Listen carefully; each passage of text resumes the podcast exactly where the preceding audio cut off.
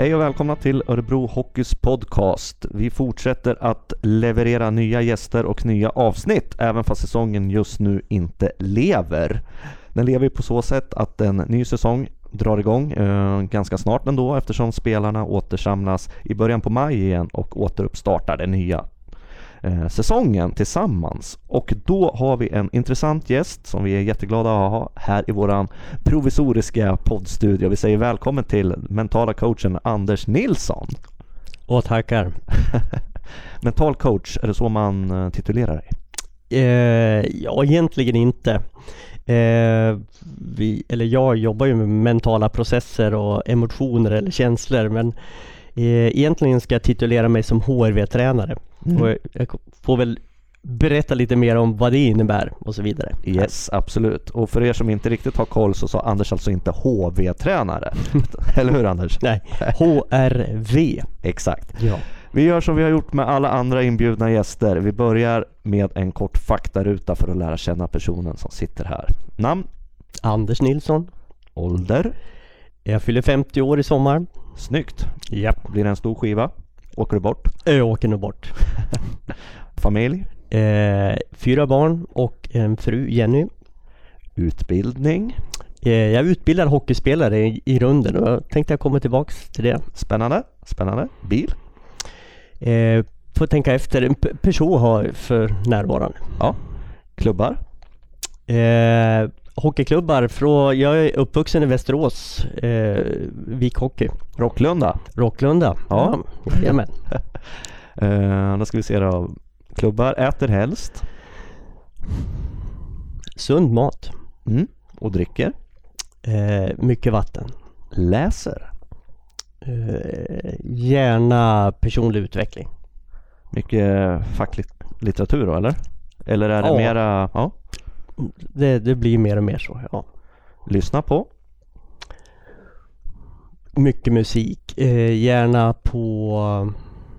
Ja, just nu går Simon and Garfunkel går om och om igen. Vilken är favoritlåten då? Eh, Bridge over Travel Water. Ja, den är, den är klassisk. Ja. Favoritfilm? Har du någon sån? Jag gillar ju de här idrottsfilmerna av olika slag där, där eh,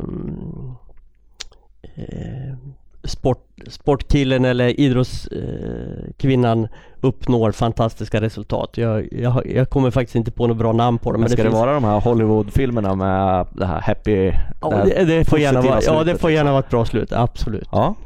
Rocky då? Ro- Jag har sett många gånger. Ja. När grät du senast? Ja, det kan ha blivit någon sån film att det kommer någon glädjetår av olika slag. Favoritlag? Örebro Hockey, såklart. Snyggt. Bra, Anders Nilsson, du är varmt välkommen till oss. Och tackar. Ska vi göra så att vi, eh, vi börjar med att eh, berätta varför du hamnar på det här spåret som du är expert på inom idag? För du har en bakgrund själv som du säger inom ishockey. Absolut. Jag hade ju en dröm eh, som, ja, som ung kille att bli elithockeyspelare och, och jag var målvakt. Och jag ville ju spela i högsta serien, jag ville spela i NHL och jag ville leva på min idrott. Och jag kom faktiskt en bra bit på vägen. Jag eh, spelade elithockey, jag levde på hockeyn under ett tiotal år. Nu är det här länge sedan men eh, slut på 80-talet, början på 90-talet. Eh, men den, den dröm jag hade blev faktiskt eh, också till viss mån min mardröm. Eh, det jag inte förstod riktigt som ung kille det var att eh, när man spelar på A-lagsnivå så är det också en väldigt stor press. Eh, inte bara från sig själv utan också eh, från media, både tidningar och tv, publik runt omkring eh, gör att, att eh, den här prestationen som, som, som jag ville göra eh, lätt blev prestationsångest. Eh, Upplevde du det där just då eller någonting du kommer fram till efteråt? Eller Nej, jag- försökte du pressa dig igenom det bara då när du var aktiv eller? Ja, my- mycket så, så eh, fanns det väldigt få att prata med då. Eh, och det här var ju ingenting som, som man generellt pratar om i ett lag för ishockeyn är ganska macho och här gäller det att bita Mm. ihop och, och bara köra. Mm. Eh, dock så, så eh, och, och, då ska vi säga att då fanns det inte det mediala trycket i form av eh, appar och internetkommunikation utan, utan media var i form av tidningar eller TV. Mm. Och det kunde ju ta en dag innan man fick läsa i tidningen eh, hur, hur det hade gått och jag, jag minns att jag kunde ligga vaken en hel natt för, för att vänta på att tidningen skulle dimpa ner i lådan halv fem på morgonen. Sprang du iväg och kollade i VLT då? Absolut. Ja. För att se hur, hur var domen, var det liksom eh, tummen upp eller ner och därefter så blev min dag rätt så mycket. Mm. Var det kritik och, och, hade jag liksom fått en överstruken eh, geting så då, då ville jag gärna med, inte visa mig på stan utan höll mig inne. Och eh, det, här, det här var någonting som jag blev mer och mer nyfiken på hur kunde vissa hantera det här bättre än andra? Hur, hur, hur de här svåra matcherna, vi hade många avgörande matcher när, när jag visste att jag skulle vara som bäst. Mm. Och jag kanske eh, många gånger inte alls var det utan var sämre än vanligt. Eh, och eh, ja, det, det, här såg jag var e, ett stort problem för idrottaren och det är det här som jag mer och mer har intresserat mig för. Eh, ja, när, när jag till slut avslutade min karriär och mm. egentligen rusade in i vardagslivet och i arbetslivet och trodde att det här var över men upplevde att det var exakt samma sak i jobblivet. Det är deadlines och det är press och det är, det är prestationskrav och, och jag såg att det här gäller lika mycket i näringslivet som inom idrotten. Mm. Mm. Och då började jag intressera mig för det här. När du var aktiv och var mitt i bubblan, hade, vem pratade man med? Vem pratade du med? Hade du några anhöriga du pratade med eller svalde du liksom stoltheten och bara körde på? Eller? Ja, man i min fall så fick jag nog svälja rätt mycket, eller jag gjorde det och eh, jag vet att det kunde vara till exempel så här att inför en stor match, som man visste att i helgen var en stor match, så kunde jag ladda så mycket inför den här matchen och grubbla så mycket på den här matchen, så när matchen kom var helt slut. Hade du bränt din energi redan innan då? Ja, redan så. Så att, att kunna spara på sin energi att verkligen få ut den före eller efter utan verkligen få ut den precis under själva matchsekvensen. Det är en stor konst ska jag säga. Mm. Och vad hände sen då? Hur eh, hamnade du på det spår som du är inriktad på idag? Vad var det tillfälligheter eller? Ja, alltså jag har ju tänkt länge att det har varit tillfälligheter och kanske förstått nu att på något sätt vill livet eh, komma i fatten och, och, och, och, man ska få hjälp av det man har eh, varit med om som erfarenheter. Så jag har ju förstått senare att de här tillfälligheterna som jag trodde det var när jag kom in på den här banan. Att börja jobba med ledarskap. Jag tyckte att jag kom in på ett bananskal i en ledarorganisation där vi jobbar med ledarskap. Och jag blev VD i det bolaget och eh, fick det där bolaget att växa rejält. Vi var fyra anställda när vi kom och vi var 60 personer när jag slutade. Eh, och vi hade 11 kontor över hela Sverige och det, vi jobbar mycket med ledarskap och vi jobbar mycket med, med mm, stresshantering och personlig utveckling av olika slag.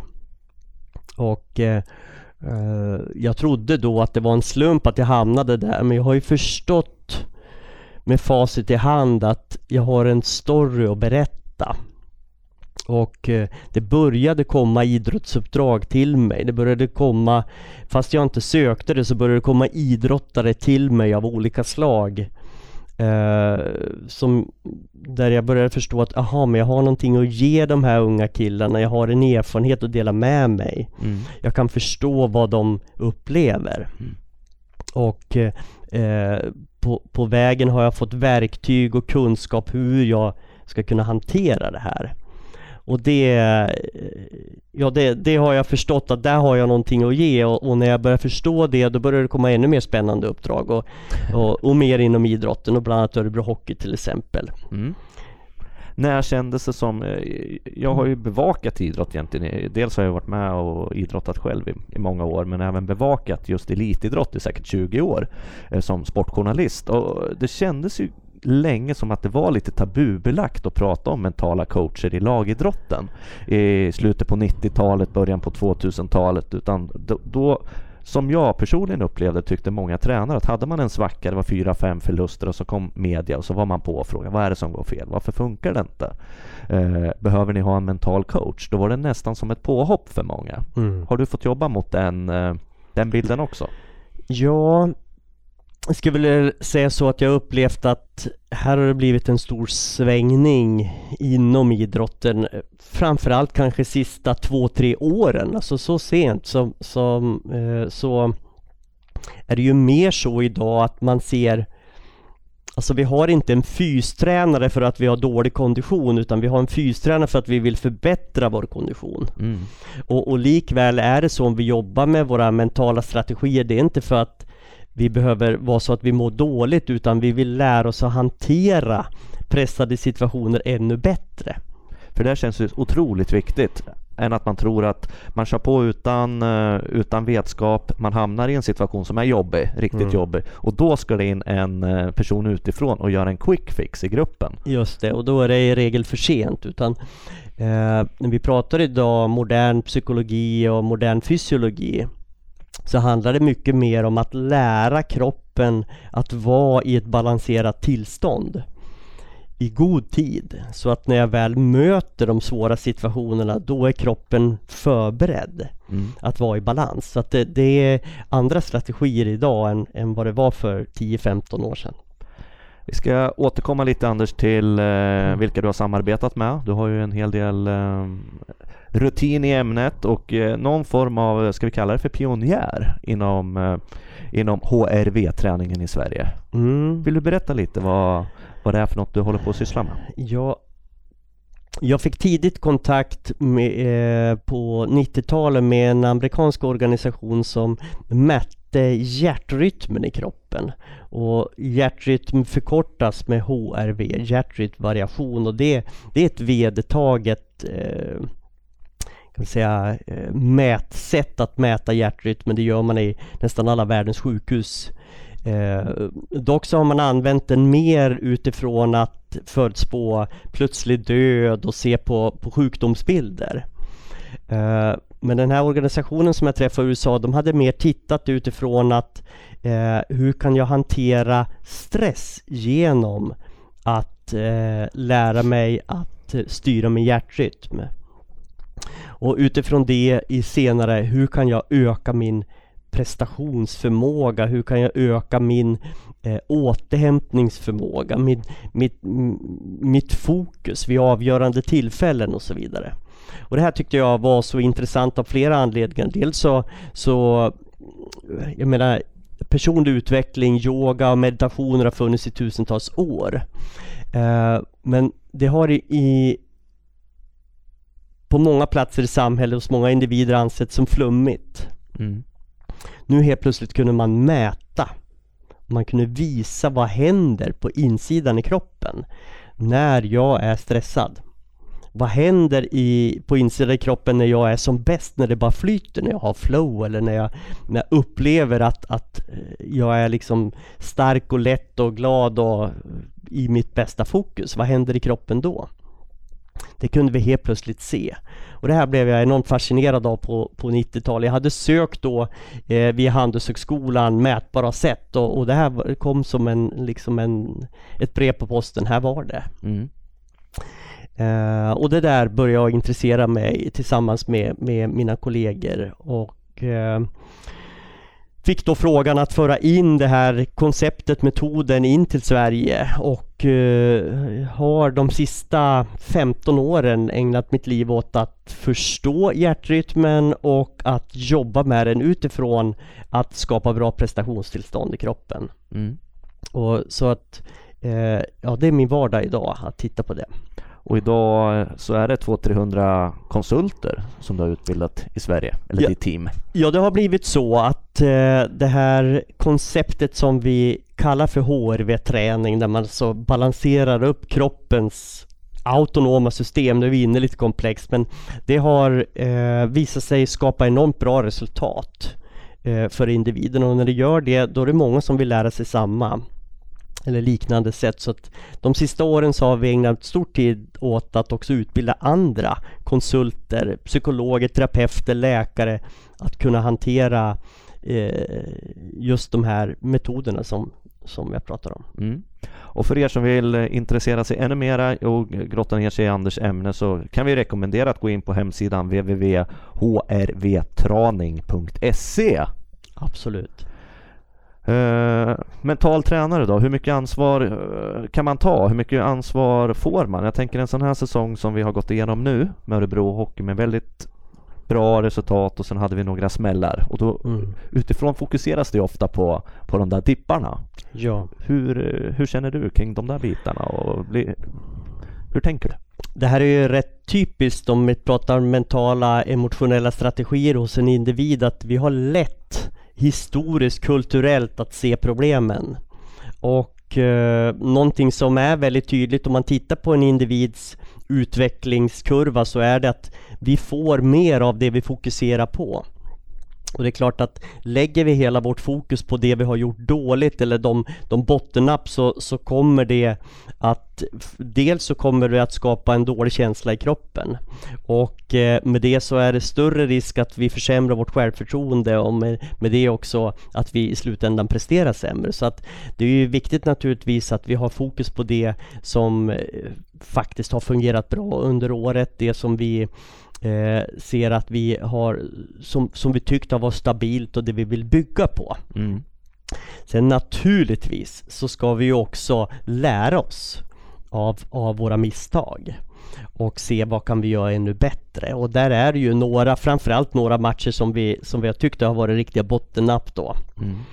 Och det är ju någonting som vi har jobbat med. Hur har ni pratat? För, för man kan ju också mm. säga så, även om mm. vi har fått ett par smällar, snabba smällar till exempel mot Karlskrona, mm. så har det ändå blivit en ganska bra motreaktion. Vi har mm. studsat upp på hästen efter de där, mm. ganska tidigt. Ja, verkligen så. Hur, hur, har snacket gått i gruppen? Liksom? Vad har du framfört efter de här Karlskrona-förlusterna till exempel? Jo men det har, det har ju byggt mycket på att eh, just att vi ska studsa tillbaka. Det viktiga är att vad kan vi lära oss snabbt av det här och, och framförallt att fokusera mindre på resultatet. Det är lätt att vi blir resultatfokuserade och istället fokusera på vad är det vi ska göra, vad är det vi kan påverka.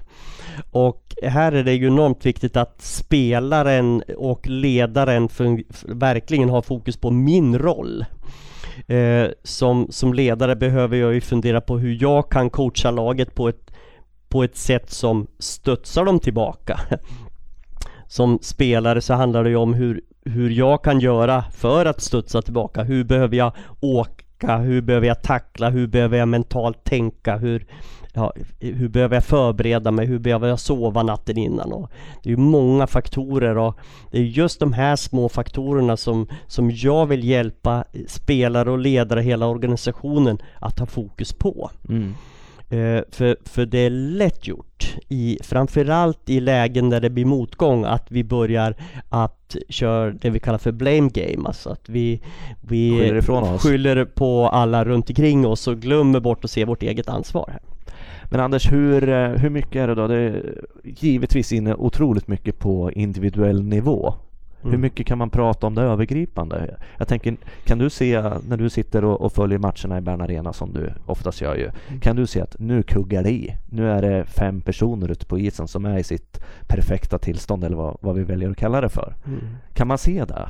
Absolut. Jag kan, jag i, i, i, det läge som det har varit under fjolåret så har jag inte kunnat mäta dem under match. Nej. Vi har inte kunnat se det, men vi är faktiskt på väg in där i år där vi ännu mer ska kunna mäta spelarna på både träning och match. Hur kommer det funka? Jo, bland annat så håller vi på att titta på att ta ut ett, ett verktyg, en utrustning så att vi faktiskt kan koppla upp killarnas hjärtrytm både under träning och match för att se hur de beter sig och framförallt hur hjärta, hur balanserad kroppen är. Mot en dator för dig då? Mot eller? en dator för mig och vi kommer kunna följa dem både kvällen innan match, hur sover spelarna före match, hur, hur ser eh, deras tillstånd ut innan match, under match och efter match. Men kvällen innan till exempel, om man nu ska ha sin sömn, mm. har man en sensor på sig då eller hur funkar det? Liksom? Ja, alltså de här sensorerna som vi pratar, det är ju som en EKG, man pratar om 24 timmars EKG. Man sätter sensorer på kroppen och när man väl har satt dem där så sitter de där. Det är ingenting som man behöver bry sig i utan nej, nej. man lever livet som vanligt och sen kan vi följa det här efteråt och studera och se hur, hur mår spelarna innan match? Hur mår de under match, efter match? hur är återhämtningsförmågan? Hur, hur, hur spända blir de under match? Eller hur balanserade är de under match? Och det ger oss fler verktyg att kunna, kunna hjälpa spelaren att, att kunna hitta mer av sin optimala förmåga. Men du kommer under realtid då kunna se på en skärm? Vi kommer under realtid att kunna se ja. Avgörande straff, två sekunder kvar. En, Till... en straffläggare åker fram och du ser att det bara pikar åt oj oj oj oj, nu sticker hjärtat. Ja, så kan det vara. Absolut. Skriker du ner till Kenta och Tornberg och Lasse Ivarsson då? Hopp, hopp, hopp, hopp. Nej, jag tror inte att det kommer gå till så utan, utan eh, det som är syftet här det är ju att fördelen att spelarna spelar många matcher, 52 matcher plus slutspel så att de killarna kommer få stöd från match till match, från träning till, till träning att, att slipa på de här detaljerna precis som alla andra tekniska detaljer som de och taktiska detaljer som de jobbar på. Vi ska byta sport och gå mm. över till fotboll, för det är också någonting som du engagerar i. Du har Absolut. ju en delaktighet, en fantastisk delaktighet i U21 eh, fotbollslandslagets framgångar med, med det här uh, lite oväntade EM-guldet måste man väl säga. Just det. Jo, men jag hade förmånen att få frågan av Håkan Eriksson som förbundskapten för U21-landslaget här eh, för, ja det är väl drygt ett och ett halvt år sedan ungefär nu inför EM slutspelet i Prag då. Ja, de hade. exakt.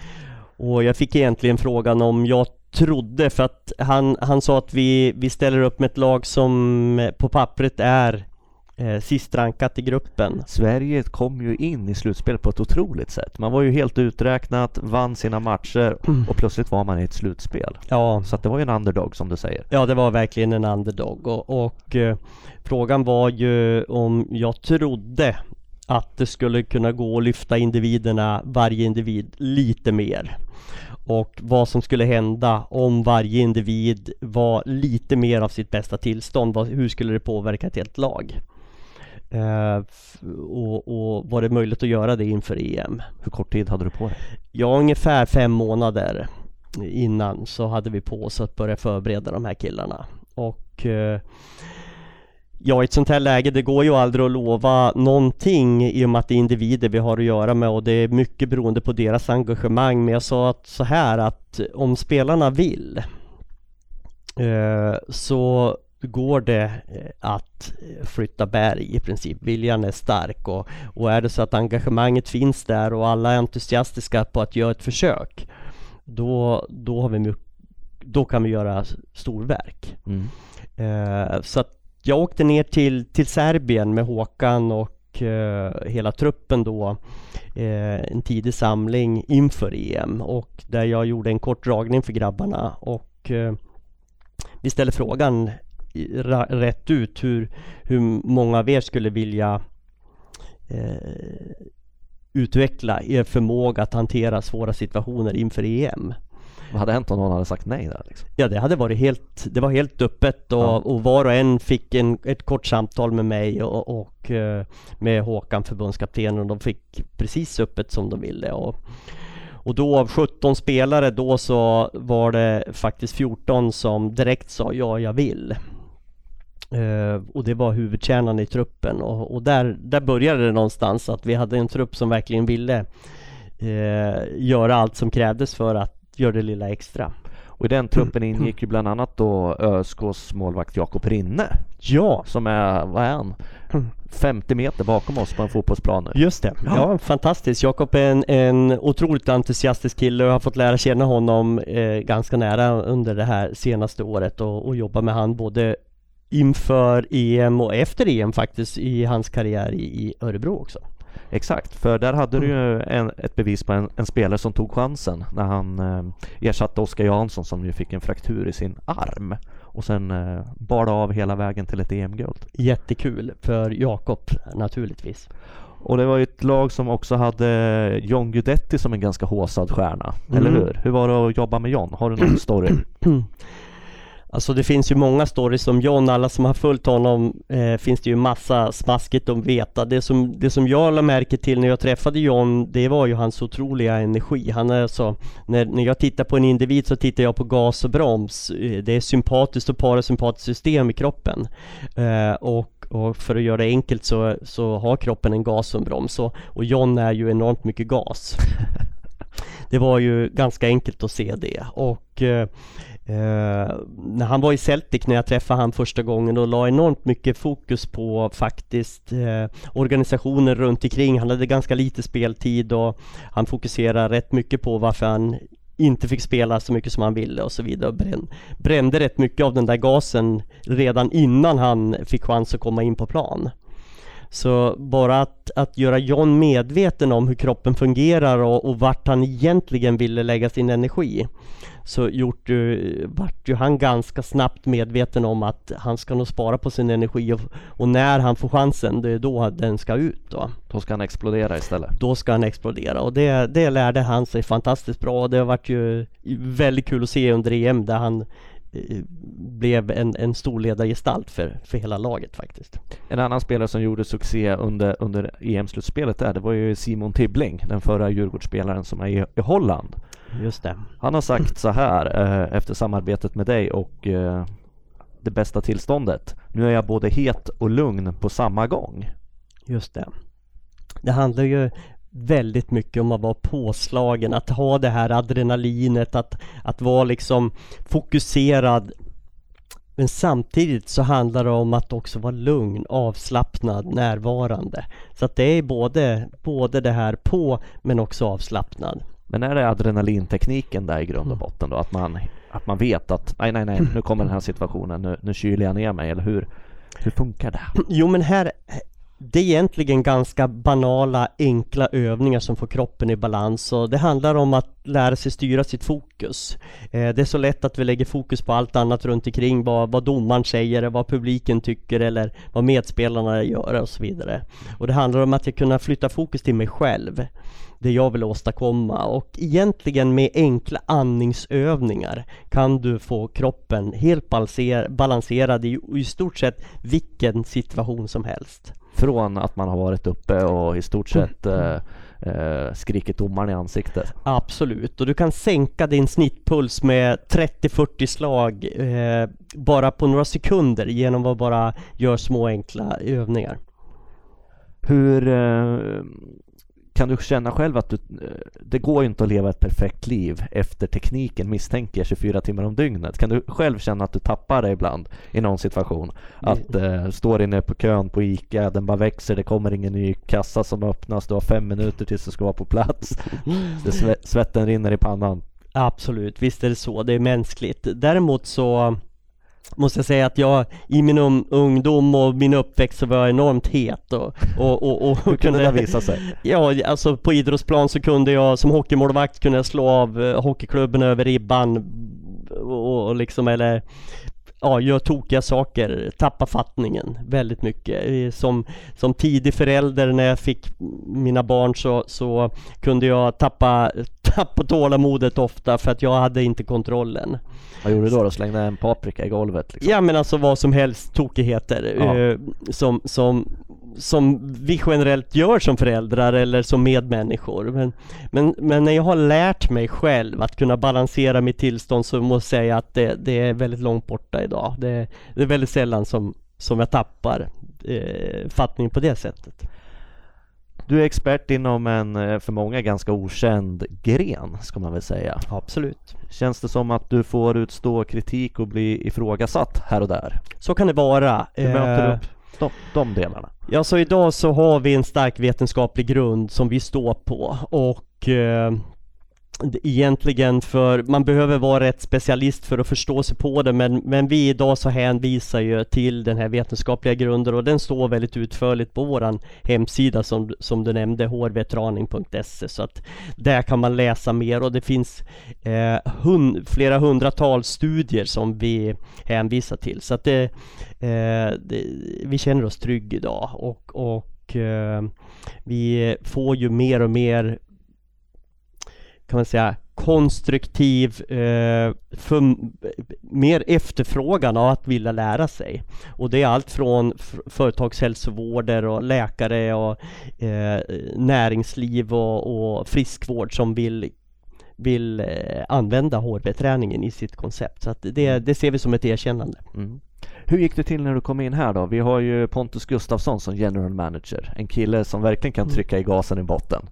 Pontus är ju en fantastisk eh, person och jag är stor fan av Pontus och jag skulle vilja säga att Pontus är den stora anledningen till att vi alla sitter här idag. Han, han har en, ett, en, en gas och ett driv som är fantastisk för hela klubben och det är naturligtvis har ju varit min min första uppgift att hjälpa Pontus att också bromsa så att han eh, spar på sin energi och orkar för att det är ju en stor an, an, ansträngning att leda en sån här klubb och han, han behöver också orka det i längden så att eh, det ser jag som eh, en, en parallell utmaning för både mig och Pontus att, att fortsätta jo, jobba med hans balansering av gas och bromsar och det är häftigt att se. Hur ser vår och sommar ut annars för dig då Anders kring vilka klubbar som, eh, som du är med och ah, hjälper? För framåt? Ja just nu så är mitt huvudspår är ju Örebro Hockey och just nu är vi i planeringsskede inför hösten och, vi eh, bland annat planerar att, att, som jag säger, att jobba mer intensivt med killarna inför nästa år. Nu har vi, jag har fått vara med och lärt känna klubben och, och flera av spelarna och eh, utifrån det här så räknar jag att vi tar ett nytt steg med att göra det ännu mer professionellt arbetet kring mentala strategier och emotionell hantering. Mm. Eh, förutom det så, så gör jag ett stort arbete också med u landslaget inför OS bland annat då.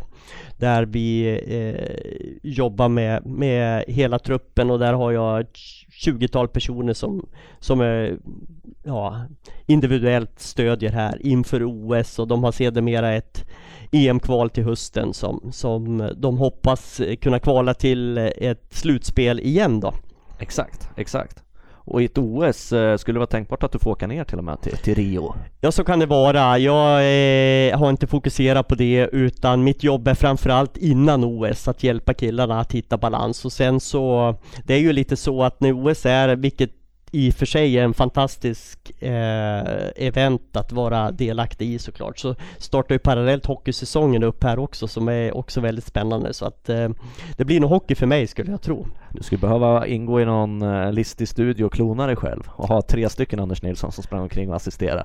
Ja, så kan det vara. Men eh, det, det, jag ser ju mer och mer att vi ska vara ett team runt omkring mig och, och att vi eh, redan under det här året tittar på att ta in faktiskt lite medhjälpare uppe på kansliet så att vi, vi tittar på att vi kan faktiskt öppna lite klinikverksamhet där, vi, där spelare från hela juniorverksamheten och A-verksamheten kan få mer stöd. Så att det är något som vi jobbar på just nu. Och de här allra största stjärnorna, man, om, om vi leker med tanken till exempel att Zlatan Ibrahimovic skulle vara med i en OS-trupp. Mm. Eh, när man når den nivån som mm. han har gjort som kanske topp tre då i världen mm. eh, i många stycken som, som elitidrottare. Den mentala biten som de spelarna har med mm. sig. Mm. Hur, hur, får man den så att säga? Är det medfött eller hur bygger man upp? Nu är det på olika såklart ja. på vem det är men när man når den typen av nivå eller nu. om du är högt upp i, i näringslivet och, och mm. har de här typerna av jobb. Ja, men eh, vi, alltså min erfarenhet när jag träffar den här typen av individer är ju att de har de har lärt sig hantera det här tidigt och de kan ha fått hjälp tidigt på vägen också men har förstått vikten av eh, att jobba med, med mentala strategier och kunna hantera svåra situationer. Eh, jag såg en intervju med Zlatan här nyligen där han sa att 50% av hans fotbollskunnande handlar om hans mentala inställning och, och sin förmåga att kunna hantera pressade situationer. Mm. Så att det är klart att det är viktigt. Och Zlatan har ju på något sätt sökt ett ja mot er eh, eh, upplägg i många gånger för att triggas. Om det så är andra lagsupportrar som har hetsat vid straffar och sådana här grejer, att få ge igen med lite gester efter att man har gjort mål. Det har ju varit Absolut. som en, en trigger för honom. Absolut och allt som funkar funkar och, och, det är ju viktigt i, i framförallt i idrottsvärlden att se att det finns egentligen ingen, ingen ram eller mall som alla kan stöpa sig i utan eh, vi är individer och man behöver hitta sitt sätt att nå fram och det är, väl, det är väl det som är min uppgift att locka fram hos spelarna. Hitta sitt bästa sätt. Mm. Är det någon spelare i, i, i våran klubb, Örebro Hockey, som, har, eh, som du tycker har kommit långt i den här processen? Jag tycker det är flera av killarna som är, eller man skulle säga så här, alla av killarna som är på den här nivån har lärt sig att hantera press mer eller mindre. Sen är det klart att det är vissa killar som sticker ut och gör det mer, mer eh, kanske professionellt än andra och där det, jag ser det som min roll att, att, att hjälpa alla som vill att ta ytterligare ett steg oavsett hur duktig man är här. Mm. Och hur kommer ni jobba mer tror du då inför, inför kommande säsong? Du var inne lite på det här avmätningsförmågan inför matcher och under matcher. Finns det andra tydligare mm uppdrag eller påhitt som, vi, som du kommer köra. Påhitt ja, vi, låter vi, som ett taskigt vi, ord men du förstår vad jag menar. Vi tittar ju just nu på en modell som vi kallar Örebro-modellen där, där vi ser att, att hantera min mentala förmåga som idrottare, det kommer vara en grundförutsättning för att, att spela i Örebro Hockey. Så att vi kommer att eh, öka aktiviteterna kring att hantera eh, ja, pressen runt omkring hockeyn. Så att det, kommer att bli eh, ett, ett, större engagemang från, från samtliga spelare i den här frågan framåt. Så mm. ser det ut just nu på ungdomsnivå, oavsett vad man håller på med, om man är individuell idrottare, lagidrottare, så du möts ju av många typer av press. Det kan ju dels vara din egen, det kan vara lagkamrater, tränare eller föräldrar. Mm. Pratas det för lite om de här sakerna redan på, på den nivån, ner ja, i åldrarna? Absolut. Nu har jag haft fördel att få vara med och träffa de här killarna under året som har varit och vi ser ju också en ökning där, att jag ska vara med, bara mer där. Och, Vilka killar pratar du om? ja, då är det från J16 och J18 och J20 då i Örebro Hockey. Mm. Och här eh, Eh, jag upplever att det finns ett jätteintresse för killarna. Det finns eh, mycket som de vill säga som, som de inte har funnit forum för tidigare. Så att eh, det, det är ett spännande arbete att få hjälpa de killarna att redan tidigt börja hantera de här typerna av frågor. Mm. När, när du pratar med folk, när du pratar med idrottare, vilken press är det som är den mest överhängande som folk, som, som de själva känner att det är det här som tynger mig mest eller som bromsar mig mest? Är det den individuella pressen? Är det de målen man har på sig själv eller är det det, är det den utifrån du, du berättar som du kände av till exempel, de här betygssättningen i, i media? Ja, eh, ja det, det, skulle jag säga även om de spelarna är mer eller mindre medveten om som sagt att det är många som bara slår av och, och eh, stänger ute eh, det jag känner och det blir sällan bra i slutändan utan eh, ju mer jag kan möta och modern psykologi pratar ju mycket om att eh, tillåta det jag känner och, och därifrån tillåta mina tankar och mina känslor och därifrån går det mycket lättare att hantera dem. Mm. Eh, något som generellt som spelaren är väldigt intresserad av det är ju hur kan jag skapa flowet på matchen? Hur kan jag liksom bli så här på och avslappnad samtidigt. De känner ju att de kan det på träning och de känner att vissa matcher gör de det. Hur, hur kan jag göra det oftare? Det är de ju jättenyfikna på naturligtvis.